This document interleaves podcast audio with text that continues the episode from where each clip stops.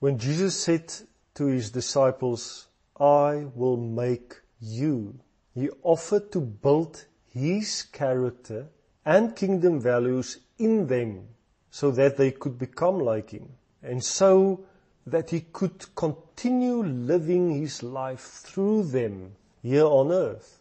But please understand that this is not about the external habits we have as Christians.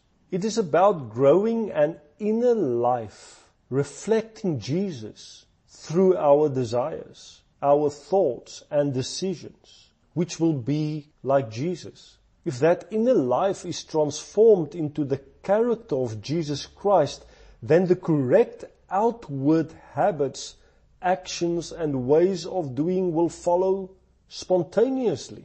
Then we will look at people, things and matters with His eyes and love like He loves. Remember that the process of changing our character to that of Jesus is not a quick fix. No, it is a continuing process. It is a lifelong process. Jesus will continue to change us until the day we depart from earth. Billy Graham's wife, Ruth Graham, had the following put on her tombstone. End of construction. Thank you for your patience. In the gospel accounts, we read that thousands of people flocked to Jesus. They came to him because he was so different. They, in a way, actually ran away from their religion and leaders who constantly judged them on the grounds of the laws that they had to obey. But in Jesus' presence, they felt loved and blessed. We read about this in Acts. The church grew dramatically because the people was attracted to his followers. Their normal life was just so different from the people and there was a visible difference to their lifestyle. Remember also that the followers of Jesus did not stand on street corners to preach through a loudspeaker. They also did not have evangelization programs. The church in the first 300 years exploded because these followers of Jesus just lived ordinary but very different lives. They lived kingdom lives that showed a different culture, the culture of heaven. I wonder, where did the church in many ways lose this lifestyle of the kingdom of God? Is it because we think in church organization terms? We organize evangelization, campaigns and programs. We use techniques borrowed from the world to grow the church. It is not that these things are bad, but the most powerful tool which attracts people is the life of a follower of Jesus who displays the character of Jesus in everyday life. Such a life attracts people who are lost, seeking and hurt because love is attractive and beautiful. We also clearly see the radical changes in the lives of the first followers. We see, for example, how Peter was noticed when he waited to see what the religious leaders would do with Jesus after arresting him. One of the women saw and recognized Peter as one of Jesus' followers. Yes, Peter denied it because of fear. But later this same Peter said, I cannot keep quiet about what we have seen and heard. He could not keep his mouth shut. It looks like two different Peters.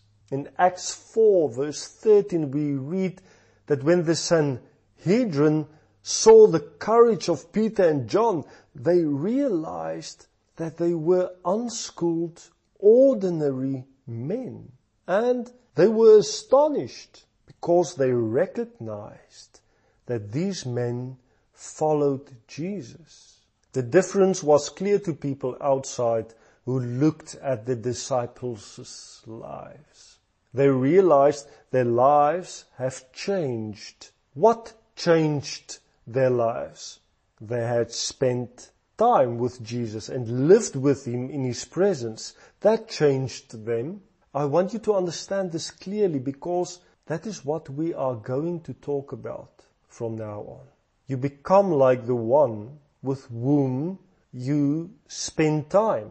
Is that not why children in a household become more and more like their parents? That is why often children display the characteristics of one or more of their parents as they get older. As the disciples spent time with Jesus, the kingdom principles and values took root in their souls and they submitted to his authority. I want to read Philippians 1 verse 9 to 11. And this is my prayer that your love may abound more and more in knowledge and depth of insight, so that you may be able to discern what is best and may be pure and blameless until the day of Christ, filled with the fruit of righteousness that comes through Jesus Christ to the glory and praise of God. So this was the prayer that Paul prayed for the Philippians. It is a prayer that Jesus has for us, that we will continue to grow in love so that His glory will be mirrored in us. As you experience the unconditional love of Christ through spending more and more time with Him, you will progressively change into His character.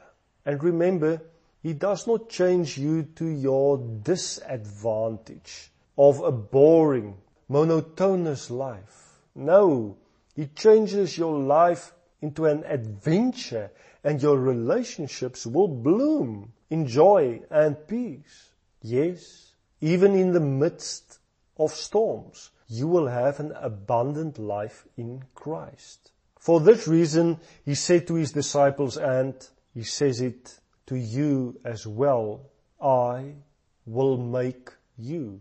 Allow His unconditional love to flow through you.